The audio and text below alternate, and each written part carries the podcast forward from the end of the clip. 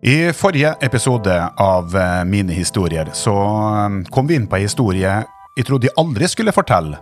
Og det var jo om den nye kriseloven i Norge. I dag ble den eh, banka gjennom i Stortinget med modifikasjoner. Nå kommer ei historie jeg har lenge frykta at de måtte fortelle og snakke mer om. Vi skal til Afrika, og det hele skal handle om Afrika sin situasjon nå som covid-19 ser ut til å feie over verden med virus, død og stor stor frykt blant befolkninga rundt omkring. Men eh, hva med Afrika? Vi i Norge vi har jo veldig lett for å se for oss at vi har et kjempegodt helsevesen. Vi ser kanskje ikke for oss at Italia har et like, like godt helsevesen som oss, men i mange områder så har Italia det. Og Italia sliter. Men enkelte land i Afrika de har ikke ei eneste intensivseng. Og nå står Afrika der for tur. Det er ingen tvil, covid er allerede på kontinentet, og SOS Barnebyer roper varsku. The Guardian leverer store reportasjer. Og det blir sagt at det beste rådet for Afrika er å forberede seg på det aller, aller verste. Og flest tilfeller av covid er foreløpig registrert i Egypt. Der er det 210 registrerte smitta.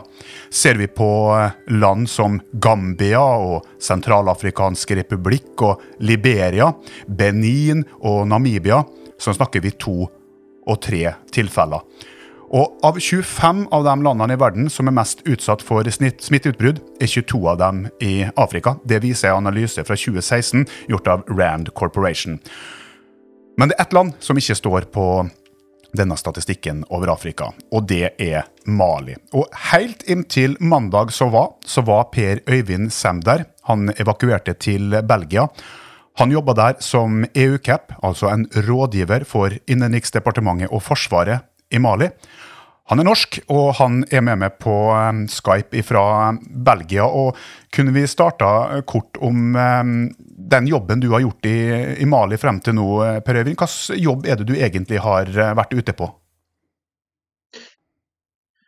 Ja, da kan jeg vel kanskje først begynne å fortelle veldig kort om EU-Kapp Sahel. Det er en misjon, en EU-misjon som ble etablert i 2015 Eh, hvor målet er å eh, sette sikkerhetsstyrkene eh, under Innenriksdepartementet. Det er da, og sikkerhetsstyrkene under Forsvarsdepartementet til en viss grad, men særlig under Innenriksdepartementet, sette dem i stand til å kunne bevare sikkerheten i Mali og sørge for at staten har, har kontroll over det maliske territoriet. Eh, og Dette skyldes jo at eh, fra 2012 så har det vært en sikkerhetspolitisk krise i Mali, eh, hvor man har sett at jihadistiske grupperinger, altså grupperinger som er tilknyttet ISIS og Al Qaida, har vunnet grunn i nord, og kanskje særlig i senter i senterregionene. Og de har også kommet inn i Mopti, men det ble slått tilbake eh, av en fransk operasjon. Eh, men vi ser jo fra særlig 2019 og kanskje også utover i 2020 at angrepene i senter, eh, som er nær hovedstaden, har økt veldig mye i styrke. Hvor lenge har du hatt jobben som EU-cap i Mali? Jeg har vært i Mali siden 1.11. Misjonen består av ca. 80 internasjonale og en 50 lokale. Eh, og vi jobber langs tre linjer. Vi jobber med eh, conseil, eller rådgivning, eh, det er det jeg driver med. Eh, så jobber vi med eh, eh, trening og kursing. Og så jobber vi med koordinering, dvs. Si at vi forsøker å knytte de ulike internasjonale bidragene sammen, sånn at kan bli at kan, man kan få det beste resultatet for de maliske sikkerhetsstyrkene. Og I tillegg til det så har vi, har vi en del prosjekter som vi gjør hvis vi ser at det er nødvendig. Før vi eh, tar på den rene tematikken om eh, Afrikas situasjon, så vil gjerne forklare lytterne mine. Nå har du forklart om EU-cap, men før du fikk eh, denne jobben for EU, så har du jo jobba i Norge. Og der har du også en CV som jeg vil at folk skal vite, for det vil være med å gi grunnlaget, at de skjønner hva du snakker om og fra hvilket ståsted du står. Du er egentlig ansatt i Direktoratet for sikkerhet og beredskap. Hva er det du har jobba med der, og hvor var du hen før du begynte i DSB? Ja, jeg, jeg, det er helt riktig. Jeg har eh, begynt å jobbe i DSB med krisehåndtering og beredskap i 2008. Eh, da var jeg avdelingsleder for, eh, for, for, den seksjonen som driver med øvelser og som setter krisestab i, i, i situasjoner som er prekære. Så etter det så var jeg ett år i Afghanistan. Og så jeg, jobbet jeg fire år for for DG Ekko, De er altså i EU-kommisjonen med krisehåndtering og beredskap, og drev med internasjonale øvelser eh, og, og mer eh, europe, på, jobbet med dette her i en europeisk perspektiv. Eh, og så i etterkant så har jeg også jobbet i i Kuwait for Operation Inherent Resolve, hvor jeg har jobbet mye med, med, med Al Qaida og ISIS.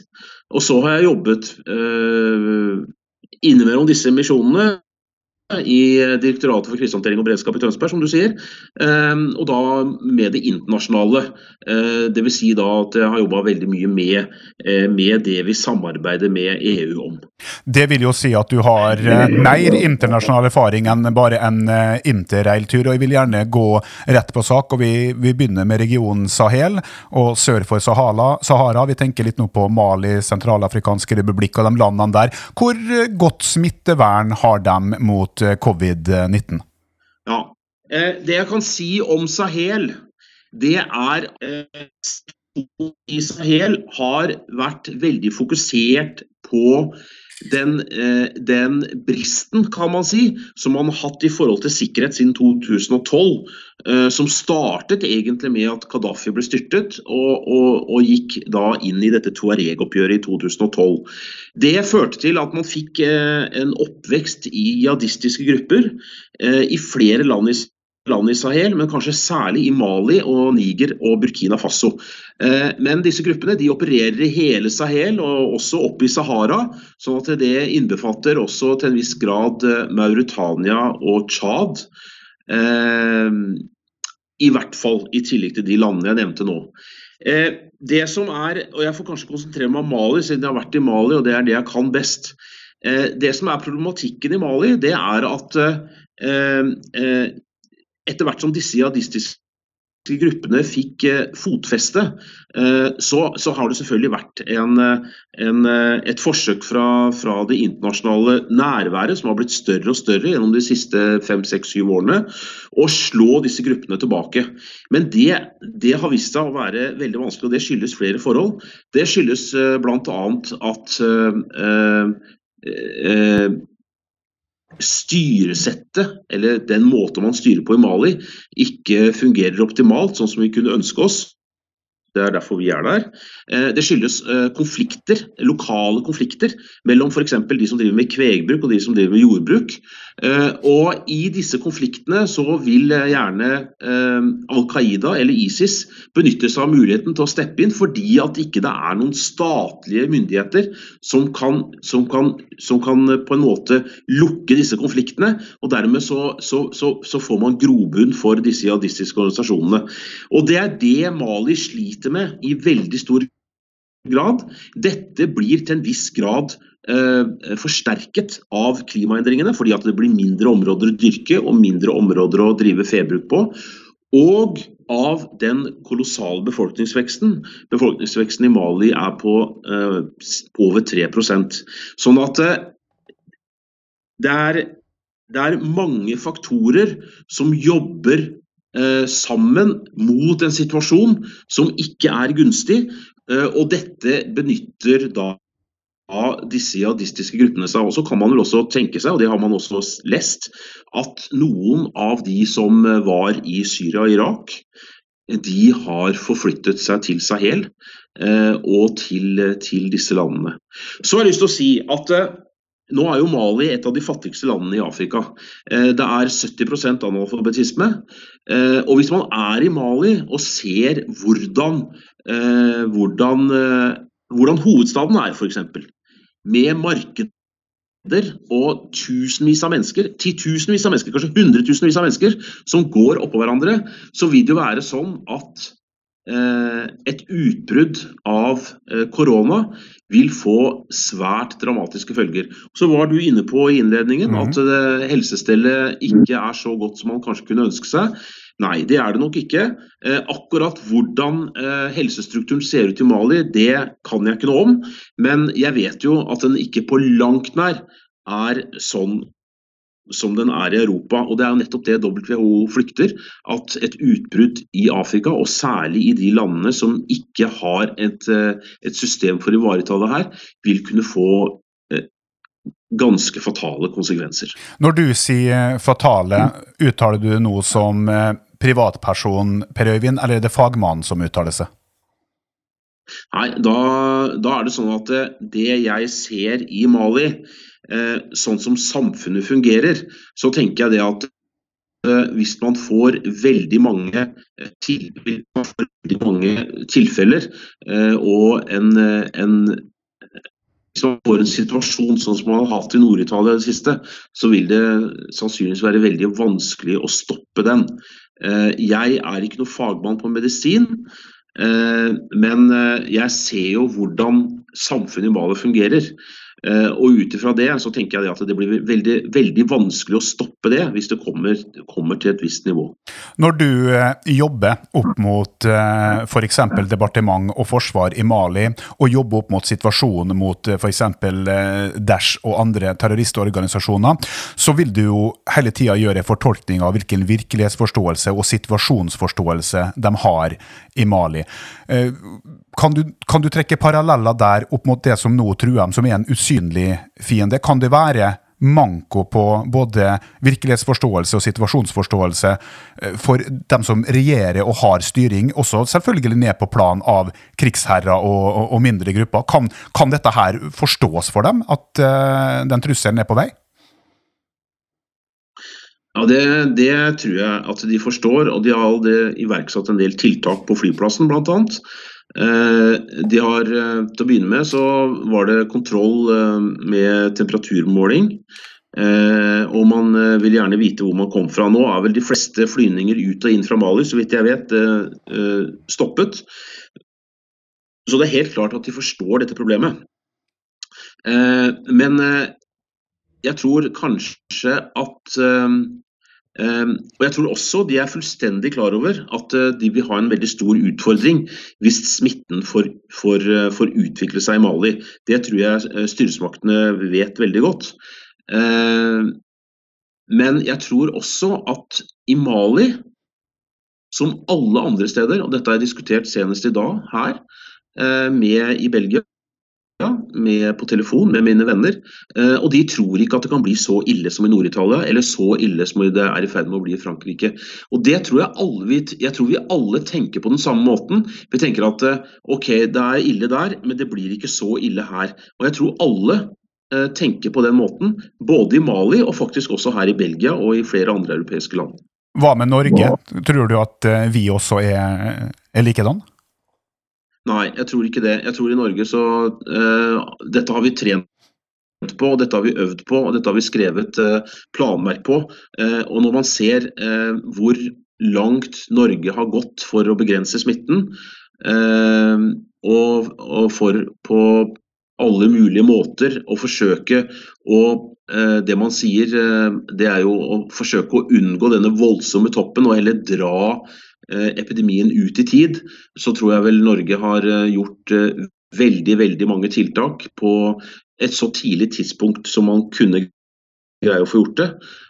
Så nå, nå, får jeg si det sånn da, at nå jobber ikke jeg DSB akkurat nå, men når jeg står på utsiden og ser, så syns jeg det er ganske imponerende det Norge gjør. Men fra, fra utsida, eh, det må jo være en grunn til at du ble eh, også flytta ut fra, fra Mali. Handla det om din egen sikkerhet, eller handla det om at her kommer du ikke til å få gjort noe god jobb uansett i perioden som kommer? Nei, altså Det som var utgangspunktet for at uh, det var ikke bare meg, men det var ganske mange i misjonen. Vi ble tilbudt å evakuere, og det gikk fryktelig fort. Uh, og Hovedårsaken var uh, at hvis det nå skulle være sånn at vi ble syke, så ville det være mye bedre å få behandling i våre hjemland i Europa enn det ville være i Mali. og Det sier seg selv. Der har man veldig liten kapasitet på intensivbehandling eh, av syke.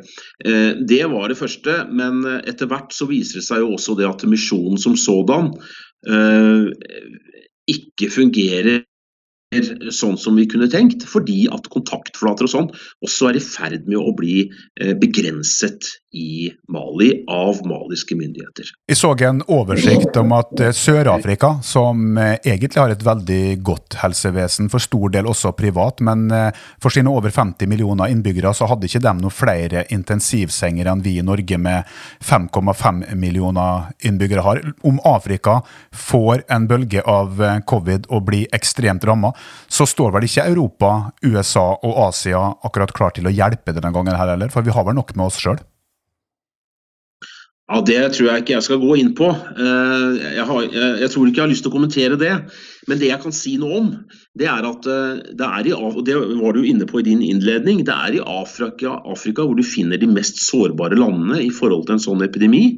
Det er fattigdom, man bor veldig tett oppå hverandre med mange mennesker i, én husstand med dårlig sanitære forhold. Veldig dårlig eh, utviklet eh, eh, helsevesen. Eh, og i tillegg til det, som kanskje ikke så mange tenker på, det er at i noen afrikanske land, særlig Sør-Afrika og noen sørafrikanske land, så er det en veldig stor andel av befolkningen som har hiv. Ehm, og uten at jeg på noen som helst måte er noen medisinsk ekspert, så leser jeg jo at de som har underliggende sykdommer, eh, står mer i faresonen for å bli veldig alvorlig syke enn de som er friske. Så over til eh, temaet som eh, vi kan kalle det kanskje maktvakuum eller ledelseskaos. Sentral-Afrika og ellers i Afrika rammes av pandemi. Kan det der bety maktfordeling? Kan det der bety nye krigsherrer, nye konflikter om ressurser og, og, og hjelpemiddel? Kan det her bety mer vold, mer krig? Ja, det er, jeg syns det er veldig vanskelig å svare på. Og jeg, jeg sliter egentlig med min lille lokale situasjon i forhold til eh, Vi har tenkt å flytte hjem til Norge, og jeg tenker når kan vi gjøre det? Eh, jeg syns det er veldig vanskelig å svare på det. og det er veldig. Jeg tror at det, det, beste svaret på det spørsmålet det er å si at det, det, er veldig vanskelig å gi et svar. Det er veldig åpent om hva som kan skje. Eh, det jeg tror, det er at eh, hvis man får en, en stor eh, eh spredning av koronaviruset i Afrika, som selvfølgelig kommer til å ha en veldig alvorlig eh, effekt pga. den situasjonen jeg har beskrevet, så kan man jo ikke se bort ifra at det er ting som kommer til å endre seg geopolitisk. Men det syns jeg er veldig vanskelig å gå inn på nå. Eh, så det får vi vente og se, tror jeg. Hvor mange vet du om per dags dato av organisasjoner som fortsatt har eh, folk i eh, i Afrika, da spesielt i de fattige og uh, sårbare områdene? Nei, Nå er det noen som har uh, evakuert. Uh, noen har ikke det. Når jeg dro fra Mali nå i denne begynnelsen av denne uken, så hadde ikke MUSMA begynt å tenke på evakuering. Men jeg vet at EUTM, European Union Training Mission, som eh, trener det maliske forsvaret, de hadde tenkt på det. Hvorvidt de har gjort det, det vet jeg ikke. Så jeg kan ikke svare på andre enn EU-kapp. De har evakuert ca. 65 eh, av sin tilstedeværelse. Hva andre har gjort, det vet jeg ikke. Men jeg vet at de lager planer for en eventuell evakuering hvis noen skulle bli syke. Hva skal du eh, jobbe med i tida fremover? Ja, nå er jeg satt på er jeg satt på liv, eller eh, ferie, i to uker. Jeg har også karantene. Men det er klart det at min jobb er jo i stor grad basert på hva andre gjør i misjonen. Det betyr at hvis man har ideer i forhold til trening eller prosjekter eller noen sånne ting, så vil jeg diskutere det med departementet. Eh, og I og med at emisjonen er nettet ned ganske mye, så blir jo det ganske begrenset. Eh, så får vi se hva det blir til, eh, og også se hva de som er igjen i emisjonen skal gjøre, og hvordan de skal gjøre det når vi kommer fram til begynnelsen av april. For det, det er jo ting som tyder på at eh, restriksjoner og begrensninger også kommer til å stramme seg i Mali, selv om man ikke offisielt har noen tilfeller. Eh, så vil jeg nok anta at eh, det vil bli utviklingen også der. Så kommer jo det store spørsmålet. Hvor mye kommer eh, vi til å få lese i våre norske medier om situasjonen i Afrika? Er det slik nå at nå er vi så opptatt av korona at nå er ethvert koronatilfelle, og enhver kanskje krise rundt omkring i verden som er relatert til korona, interessant for oss, slik at vi får vite om det? For det er jo en del skjulte, hemmelige, glemte kriser rundt omkring i, i verden vi nesten aldri får lese om. Ja, det er det. Eh, det er mange glemte kriser som vi, ikke, som vi ikke leser så mye om. Eh, du er sikkert kjent med den krisen som er i Jemen. Eh, hvor det er flere millioner mennesker som er underernært og som sulter. Og man kan jo tenke seg hvordan et koronautbrudd vil hva som vil bli resultatet hvis man får det der. Jeg tror nok det at dette er helt dette, dette, dette er hva jeg tenker og hva jeg tror. Eh, jeg jo Jeg leser jo om korona eh, Altså, Norske medier er jo veldig dominert av det. Eh, hva som skjer i våre naboland, hva som skjer i Europa. Men også hva som skjer i Asia, og, og, og, også hva som skjer i Afrika. Så jeg tror nok at vi kommer til å se det i media. Både både det som skjer i vårt eget land, det som skjer i vår egen verdensdel, men også det som skjer i andre verdensdeler. Eh, det er jeg ganske viss på. Med din eh, erfaring fra Direktoratet for sikkerhet og beredskap på kriseplanlegging og krisehåndtering, kan du på en eh, enkel måte skissere hva vi i Norge står foran? Nei, Det syns jeg blir å spekulere, og det syns jeg er veldig vanskelig å si noe om. Eh, det jeg tenker at jeg har lyst til å si, det er at eh, jeg synes, sånn som jeg ser det nå, når jeg står litt på utsiden, så tenker jeg at eh, Norge og norske myndigheter med DSB og Justisdepartementet og alle andre som er involvert, bl.a. alle helsesektorer, jeg syns de gjør en aldeles utmerket jobb. Og jeg tror de, alle de tiltakene som er satt i verk, er gjort eh, for, til det beste for alle. Eh, men, men jeg tenker nok også at jeg har lyst til å si i den sammenheng at nå, nå, nå må jeg uttale meg ut ifra det jeg ser på utsiden, og ikke det jeg vet foregår på innsiden, for der, der er jeg ikke. Tusen hjertelig takk skal du ha for eh, praten, Per eh, Øyvind Sem. Så får vi håpe at uh, tilstanden i Belgia gjør at det er greit å være der i karantene. Og så får vi se om når du eventuelt kan komme tilbake igjen til, til Norge. Og da regner vel med at du blir kasta rett inn i covid-kampen? Ja, jeg er nok kontraktert for EU-Kapp Sahel Mali fram til 1.11. Men eh, når jeg får lov å reise tilbake dit, det, det er et spørsmål som, eh, som ingen har svar på, så det får vi se på. Du har eh, hørt en bonushistorie av podkasten Mine historier av meg, Erik Hattrem, journalist og fotograf. Tusen takk til Per Øyvind Semb, EU-cap i Mali, nå evakuert til Belgia, hvor familien for øyeblikket bor. Har du forslag til historier og tema som kan eh, tas opp i denne podkasten? erik.hatrem at gmail.com.